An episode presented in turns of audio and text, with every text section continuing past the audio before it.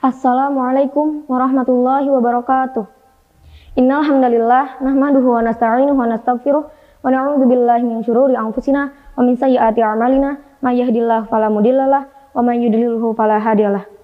Asyhadu an la ilaha illallah wa asyhadu anna Muhammadar Rasulullah la nabiyya wa la rasula ba'da. Amma ba'd. Sahabat MSA TV yang dirahmati Allah, zikir memiliki makna umum dan khusus. Untuk zikir yang bermakna umum, Asyaikh Abdurrahman bin Sa'di mengatakan bahwa zikir itu yashmulu kallama yuqarribul abda ilallah, yakni mencakup segala yang mendekatkan hamba kepada Allah. Termasuk di dalamnya berfikir, amalan hati, amalan fisik, belajar mengajar ilmu agama, dan lain sebagainya. Dalam kitab Az-Zikr wa asaruhu fit dunyal muslimi wa akhiratuh disebutkan pengertian zikir secara khusus, yaitu zikrullah bil alfadhil lati waradat anillahi subhanahu wa ta'ala yakni mengingat Allah dengan lafaz-lafaz yang datang dari Allah Subhanahu wa taala. Hendaknya kita senantiasa memperbanyak zikir kepada Allah di setiap kesempatan.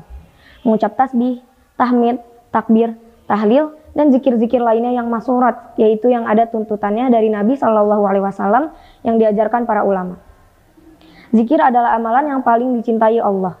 Muaz bin Jabal pernah berkata, Sesungguhnya ucapan terakhir yang kudengar sebelum berpisah dari Rasulullah Shallallahu Alaihi Wasallam adalah saat aku bertanya, amalan apa yang paling dicintai oleh Allah? Beliau menjawab, antamuta walisanuka watbun min zikrillah. Engkau mati sedangkan lisanmu basah karena zikir pada Allah. Hadis riwayat Ibnu Abid Dunya dan At-Tabrani. Semoga kita menjadi hamba-hamba yang senantiasa berzikir kepada Allah dalam setiap waktu hingga maut menjemput kita. Allahumma amin. Wabillahi taufiq wal hidayah, waridha wal inayah, Wassalamualaikum warahmatullahi wabarakatuh.